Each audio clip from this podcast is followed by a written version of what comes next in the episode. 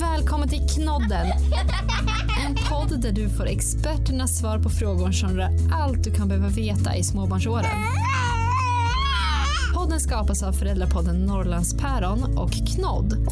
Vårdappen som är specialiserade på just det här med barnhälso och sjukvård. Och vi förstår att du som förälder vill lära dig mer om ditt barns hälso och utveckling. Därför säger vi varsågod till ett fantastiskt avsnitt av Knodden. Hej Johan! Hej Anneli! Dags för ett nytt avsnitt av Knodden. Jajamensan! Hur har du det idag? Ja, men jag måste säga att det är riktigt eh, bra. Det började lite struligt med en trasig bil som nu är hämtad från, eh, från verkstaden, men den är lagad, den är på banan, jag hann tillbaka till vår, vår inspelning, så det här, det känns lovande. Mycket bra. Och så kommer du till mig som har det ännu struligare idag. Ja, men alltså snyggt jobbat. Fixa hörlurar på fyra och en halv minut. Det är inte alla som löser det. Nej, alltså jag hade ju barnens hörlurar som har ett enhörningshorn så rätt uppe på i bilen. Men jag kände att jag skulle inte kunna vara seriös om jag såg mig själv i den där eh, via datorn hela tiden. Så nu har vi hörlurar och vi är igång. Superbra. Och Jenny, vad ska vi snacka om idag? Ja, men idag ska vi snacka om något som jag tycker är riktigt, riktigt spännande och väldigt relevant. Och det är ju det här med övervikt hos barn, eller eh, det här med skönhetsideal. Hur ska vi liksom hjälpa våra barn att få bra ideal och bra vanor när det kommer till, eh, till mat och hälsa? Verkligen, och det är ju som du säger högaktuellt och vi har ju dessvärre lite negativa trender på just, eh, just skönhetsideal och övervikt. Vi ser att eh, övervikten ökar. Man gör regelbundna mätningar, framförallt eh, under skolan med jättestora studier. Och där ser vi liksom att eh, från liksom, det var mätning till exempel på runt 89-90 var det en mätning, så gjorde man en 2017-2018.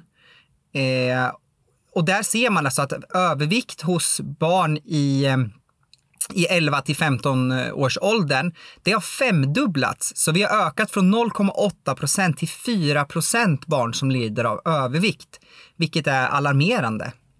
Ja, oh, gud, det är, det är höga siffror. Det är verkligen höga siffror och det vi ser också att det finns en könsskillnad där också, att det är större del pojkar än flickor. Mm. Intressant. Har du, någon, har du någon tanke kring varför det är så eller har du läst någonting om det? Eh, nej, inte, inte sådär på rak arm, men jag tänker att dels så har du en hormonell, vi ser att den är 11 till 15 årig skalan där man har undersökt, där har vi mycket hormoner som spelar in och hormoner spelar även in hos spädbarnen från, från start. Och kvinnor eller tjejer puberterar mycket tidigare än pojkar, vilket kan vara så att de liksom växer lite snabbare, man rätas ut, liksom, man blir längre och på så vis blir man ju lite smalare. Man tappar lite av det här babyhullet som vi pratar om. Medan pojkar puberterar lite senare. De kan hålla sig liksom lite Eh, lite kortare under, under en period samtidigt som kroppmuskelmassan och sådana här saker börjar öka. Vilket kanske skulle kunna göra att det finns en, en könsskillnad just i den här åldersgruppen.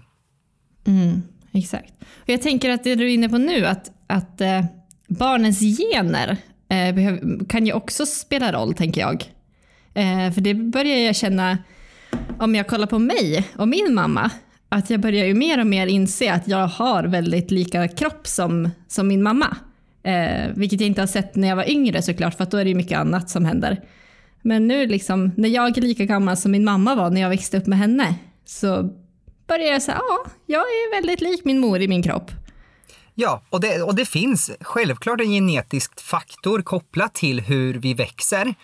Eh, och det är därför att man till exempel på de här tillväxtkurvorna lägger in eh, vårdnadshavarnas mätvärden för att få någon form av riktlinje på vad vi förväntar oss att barnet ska växa åt för håll, hur långt barnet kommer bli, ungefär vilken vikt den kommer landa på. Men sen är det så att övervikt, det kan vi inte trolla bort. Det handlar om i grund och botten att man får i sig mer energi från mat och dryck än vad man gör av med. Och den ekvationen går inte att ändra på.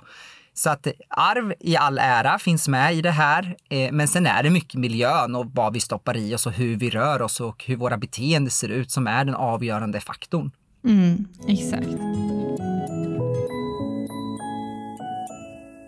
Och du var inne lite grann nu på det här med tillväxtkurvan. För det är ju någonting som alla vi småbarnsföräldrar eh, väldigt snabbt blir införstådda med. Att det finns en kurva och den ska följas så gott det går. Men kan du inte berätta, vad är tillväxtkurvan till för? Jo, det, absolut. Tillväxtkurvan är ju som sagt ett riktlinje som man nästan stoppar under näsan på föräldrarna dag ett på, på BB-förlossningen när man lägger in startvärdena. Vi tittar på tre faktorer. Vi tittar på huvudomfång, vi tittar på vikten och vi tittar på längden.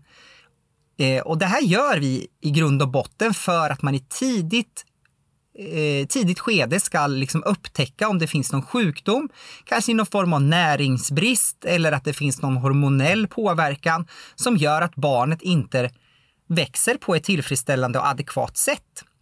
Sen är det viktigt att tänka på att eh, den här tillväxtkurvan, den gjordes i Göteborg på 3000 olika barn.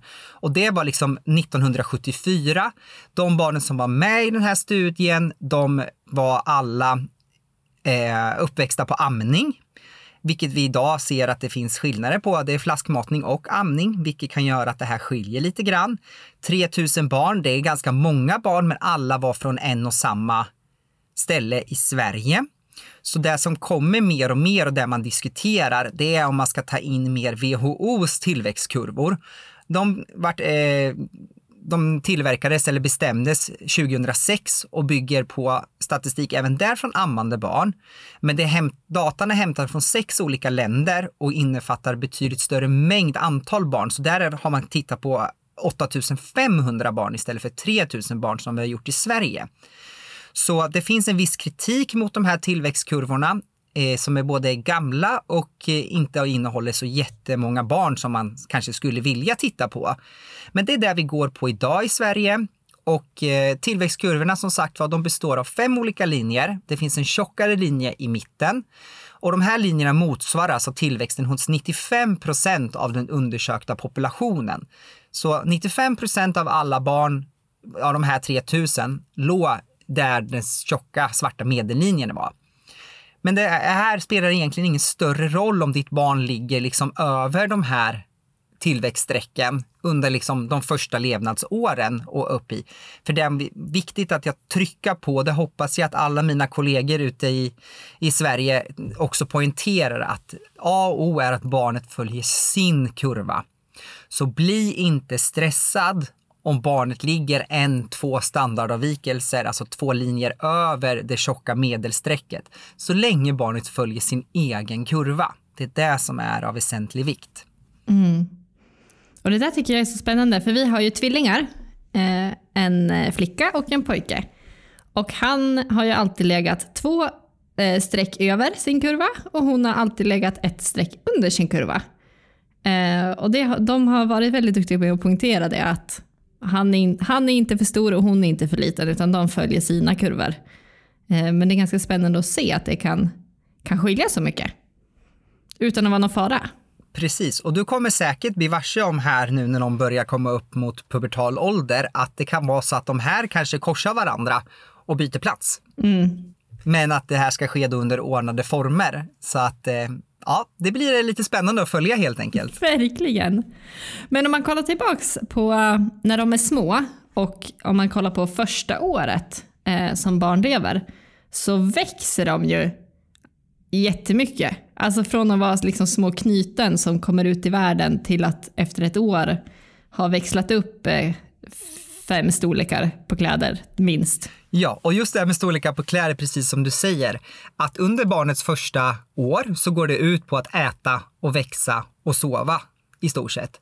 Barnet växer under den här perioden ungefär 25 centimeter på längden under det första levnadsåret. Även vi kan se att viktuppgången här är ju superdramatisk, liksom att man bara klättrar och klättrar och blir bara liksom tyngre och tyngre. Eh, med längd och vikt vill man ska följas åt i samma, så ligger barnet liksom en standardavvikelse över det tjocka medelsträcket och går upp till två standardavvikelser över så ska det samma effekt ske på längdkurvan. Och även huvudomfånget. Eh, även hjärnan hos de här barnen växer väldigt snabbt och omkretsen på huvudet kan faktiskt öka med en centimeter per månad. Så 12 centimeter större huvudomfång på ett år är i starten. Efter andra levnadsåret så minskar den här hastigheten så att där ökar man ungefär kanske ja, 3 centimeter eh, på ett år, så det tar lite längre tid sen.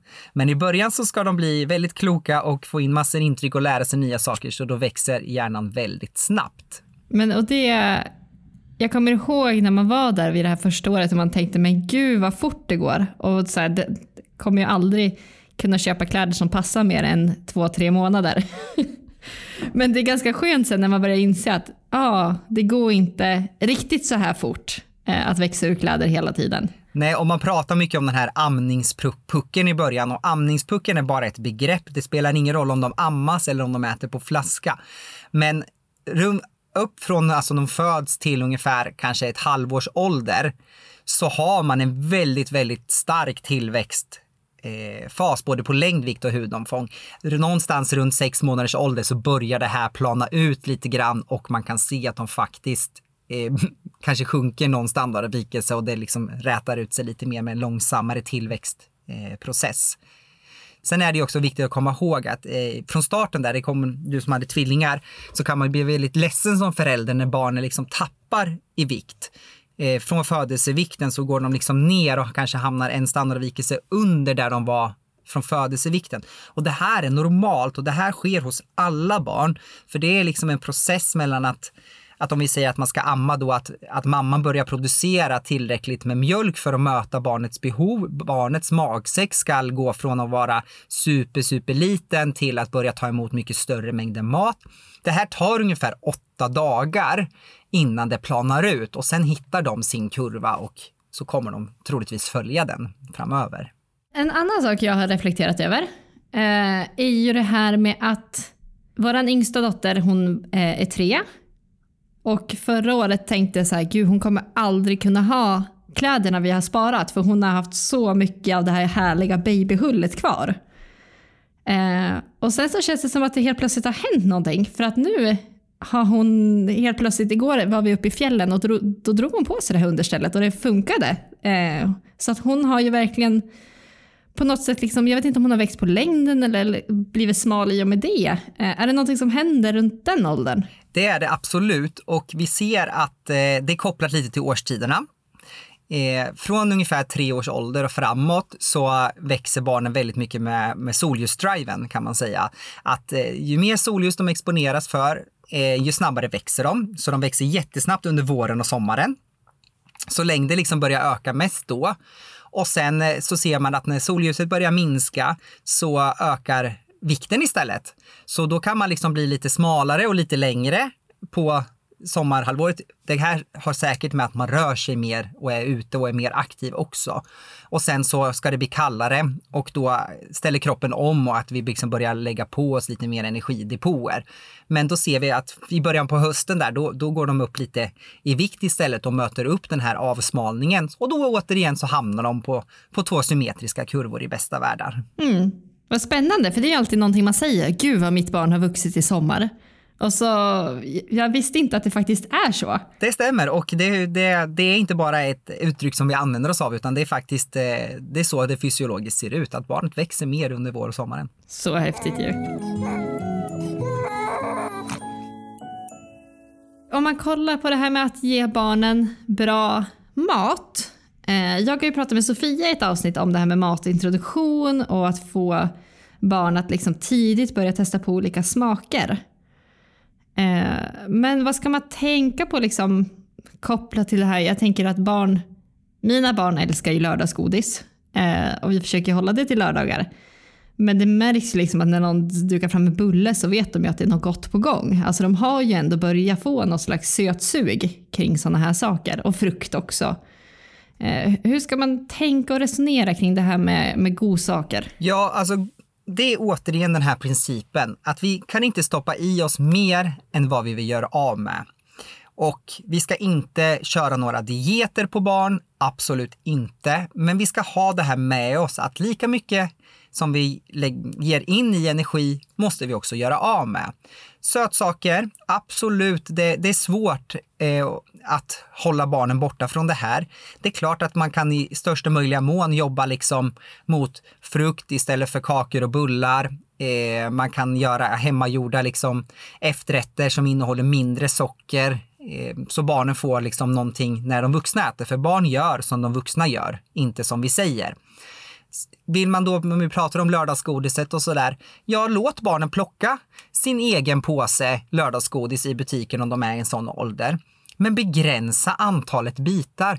Välj mindre bitar istället för större bitar.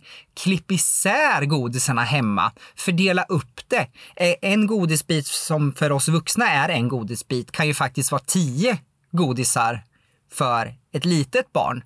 För barn bryr sig inte om mängden, utan det är själva liksom grejen. Och barn vill ju ha och äta lika länge som den vuxna gör. Men om de har en liten bit så räcker ju den längre än en många stora bitar. Så klipp isär, fördela. Dessutom så ska barn liksom sitta ner när de äter godis så de inte sätter i halsen. Mindre bitar är bättre än stora bitar som kan blockera luftvägen. Så det finns ett säkerhetstänk i det också. Men godis, är det så att man kommer till ett steg, man kanske har äldre syskon som äter godis och det lilla eh, syskonet vill också ha, ja, använd sunt förnuft men var smart. Mm, verkligen. Ja, men och just det där med syskon, det är ju spännande. För våra första barn då, de lyckades vi ju liksom hålla ifrån godis och godsaker ganska länge. Eh, Medan vår yngsta fick en glass instoppad i munnen av brorsan när hon var fem månader. Liksom. så att det, det, är ju, det är ju lite kämpigare tycker jag med småsyskon. De vill ju hänga på, och de ser ju vad som händer och de börjar förstå tidigt vad det är de inte får. Ja, och där har vi ju liksom, vi säger att vi har de stora barnen äter till exempel yoghurt till, till frukost och så vill det lilla barnet också ha ja, men jobba med, med de här nyckelhålsmärkta produkterna. De innehåller betydligt mindre sockerarter och så goda sockerarter som möjligt. Och det är bättre med, med fetter och eh, fullkorn och fibrer och sådana här saker också. Så nyckelhålsmärkta produkter. Använd de här osötade yoghurtarna, för de här smaksatta barnyoghurtarna, de, de är en sockerfälla. Så gå hellre på liksom turkisk yoghurt eller vanlig liksom eh, vaniljyoghurt och så lägg i frukt. Vill man ha en röd yoghurt som smakar jordgubb, men lägg i då jordgubbar. Eh, eller liksom mixa jordgubbar och blanda ut. Så att byta ut och alltså minska ner på det sockret man faktiskt kan. Men det behöver inte bli tråkigare för det. Exakt. Och du sa lite grann om det här med sötningsmedel, för det är också en fråga som, som jag ofta funderar på. Om, kan, är det farligt med sötningsmedel för barn? Alltså om jag, om jag vill att de ska få smaka någonting, eh, yoghurt till exempel, som ändå har frukt i sig redan, för jag hinner inte hej jordgubbar på morgonen. Kan jag välja sånt med sötningsmedel istället eller är det farligt eller är det lika dåligt? Eller hur, hur ska jag tänka? Eh, om vi speglar det till, till vad vi gör till exempel med ett barn som får diabetes, som liksom inte, där man verkligen ska minska ner på sockret för att blodsockernivåerna i kroppen Eh, inte ska stressa iväg och man behöver mer insulin och sådana här saker. Då, då, går vi på att använda oss av lightprodukter eh, och de här zero-produkterna, Fun Light-saft till exempel. Eh, så att farligt, Ja, det är omtalat med, med perspartan och x antal sötningsmedel som finns i olika kategorier att det kan ha effekt på kroppen. Men ska man välja mellan två onda ting om vi säger så då, så sötningsmedel, ja, det kan vara ett alternativ för att liksom låta barnet dricka saft som den vuxna, men ändå inte få de här socker extrema sockerpåslaget. Liksom. För, för med de här lightprodukterna då håller sig blodsockernivåerna på en jämnare nivå än vad det gör när vi liksom skjuter till ja, en, en riktig, liksom en vanlig saft som, in, som är baserad på socker. Mm. Så man får välja som familj hur man ställer sig till det här, men som sagt var att det finns, finns barn som, som bara får sådana här produkter i största möjliga mån under hela livet. Så att eh, om man har det, den kunskapen med sig i bakhuvudet så får man välja hur man vill hålla sig till det här. Exakt. Och hur är det med, du var inne på saft, att eh, det är ju någonting som man förälder kanske inte alltid ger sina barn. Eh, men mjölk eller vatten, hur, hur ska man tänka kring det där? Vatten är ju efter att barnen liksom blir av med amn, eller minskar ner på amningen och ersättningen i, i flaskform liksom, som huvudenergikälla, då är vatten det som man ska prioritera, den vätskan som barnet faktiskt ska ha. Men man kan göra vattnet roligare. Man kan stoppa i eh, frukt även i vattnet för att smaksätta det eller citron som gör det lite surare och så vidare. Så att eh, vatten är det de ska, ska ha som mest. Eh, mjölk är bra för att alla barn behöver få i sig kalcium. Vi tillsätter extra kalcium och D-vitamin i våra mejeriprodukter i Sverige. Men som ni säkert kan nu vid det här laget att D-vitaminen som vi tillsätter i våra mejeriprodukter är inte tillräckligt varpå att barnen får D-droppar eh, vid sidan av. Det är något som faktiskt Livsmedelsverket rekommenderar även vuxna att äta extra D-vitamin när vi bor i Sverige på grund av att vi har så långa mörkerperioder som vi har. Men eh, mjölk i all ära, och mejeridiprodukter, det ska barnen ha på grund av att de behöver få i sig det här extra kalciumet och D-vitaminen för att skelett och tänder ska bli starka. Mm. Så det är, inget, det är inget dåligt i mjölk för mitt barn? Nej. Bara lagom mängd, lagom, som allt annat? Lagom mängd blir superbra. Mm. Men Johan, det här med tillväxtkurvan då? Eh, för man kunde ju ofta bli ja, men lite nojig när man såg att kurvan hade gått upp för lite för mycket eller ner lite för mycket. Vad, hur ska jag som förälder förhålla mig till det och vad, vad är det som kan avvika? Alltså när, när, när kollar ni med så här, lite röd flagg för er? Vad är det? Man brukar säga att ligger barnet två standardavvikelser över kurvan så ska vi ha lite extra koll. Och det betyder alltså två streck över det stora svarta strecket i mitten. Det betyder inte att det är någonting fel, men det är ett observandum att här kanske vi måste börja ha lite tätare uppföljningskontroller. Vi kanske måste se över hur barnets eh, livssituation ser ut, eh, vad den äter, hur den rör sig. Vi tittar på olika beteenden. Eh, så att börjar det skena iväg där och sen som sagt var att man måste ha med sig som förälder att barnen växer inte helt plant hela tiden, utan det har med hormonell påverkan att göra. Det har med ålderspåverkan att göra också. Och det ser man ju om man tittar på de här kurvorna så går ju de väldigt, väldigt brant i starten för att sen liksom plana ut lite mer och gå lite mer liksom rakt framåt. Och det är så barnen ska växa. Eh, små barn, och det vi poängterade i början här, att ja, övervikt ökar, men vi ska inte banta några barn, vi ska inte sätta dem på några dieter, vi ska använda sunt förnuft, lika mycket in som ut-principen, aktivera våra barn. Frisk luft, eh, hålla sig till skärmtid i begränsade former, ut i lekparken och göra de här sakerna som, som vi gjorde förr det motverkar att vi hamnar i den här problematiken. Och sen vill jag också trycka på, det här är lite jobbigt att höra, men det är ett föräldraansvar att hjälpa barnen att få en sund inställning till sin kosthållning. Barn går inte till ICA och handlar. Barn lagar inte mat och ställer fram det på bordet. Och barn kan inte begränsa sig i hur mycket barnet faktiskt ska äta och av vad, utan det här är faktorer som är upp till vårdnadshavarna att hjälpa barnen med. Mm, verkligen. Jag kan tycka att eh, nu när mina äldsta barn har blivit lite, lite äldre, de är ju sex år nu, eh, så hjälper det också väldigt mycket att inte bara sätta förbud och sen säga nej, utan att faktiskt förklara. Varför äter vi inte godis mitt i veckan eller glass varje dag?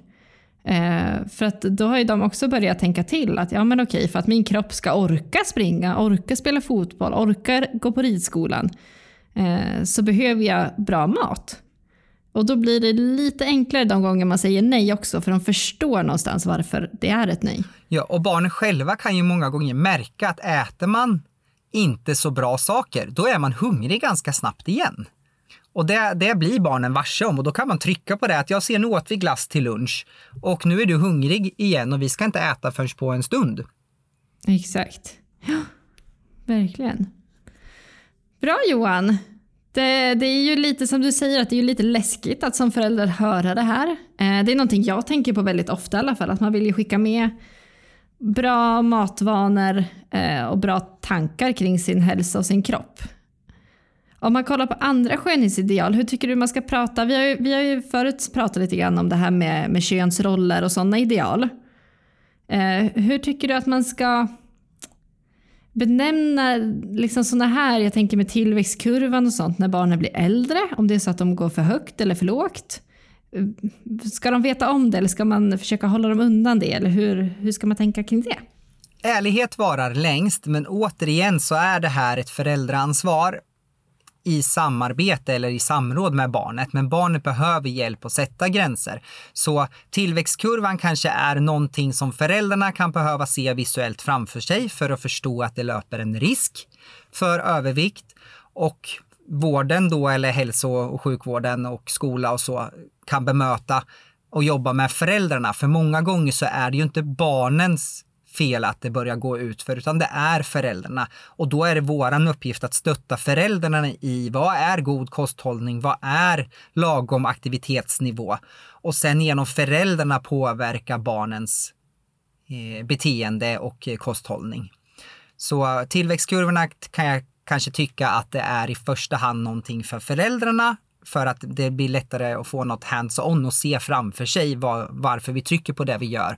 Och sen är, måste man grotta in sig varför, eller vad är det i vår familj som gör att, att mitt barn skenar iväg i, i skenar iväg ifrån liksom den här egna kurvorna som de har följt sedan tidigare. Mm, exakt. Mycket bra. Bra avslut, det tar vi med oss. Härligt. Då önskar jag er alla lycka till och som sagt var att eh, sunt förnuft, lika mycket in som ut och addera det med lite extra fysisk aktivitet för det mår alla bra eh, av, även vuxna och barn. Mm, definitivt. Ha det fint! Detsamma. Hej då! Hej då!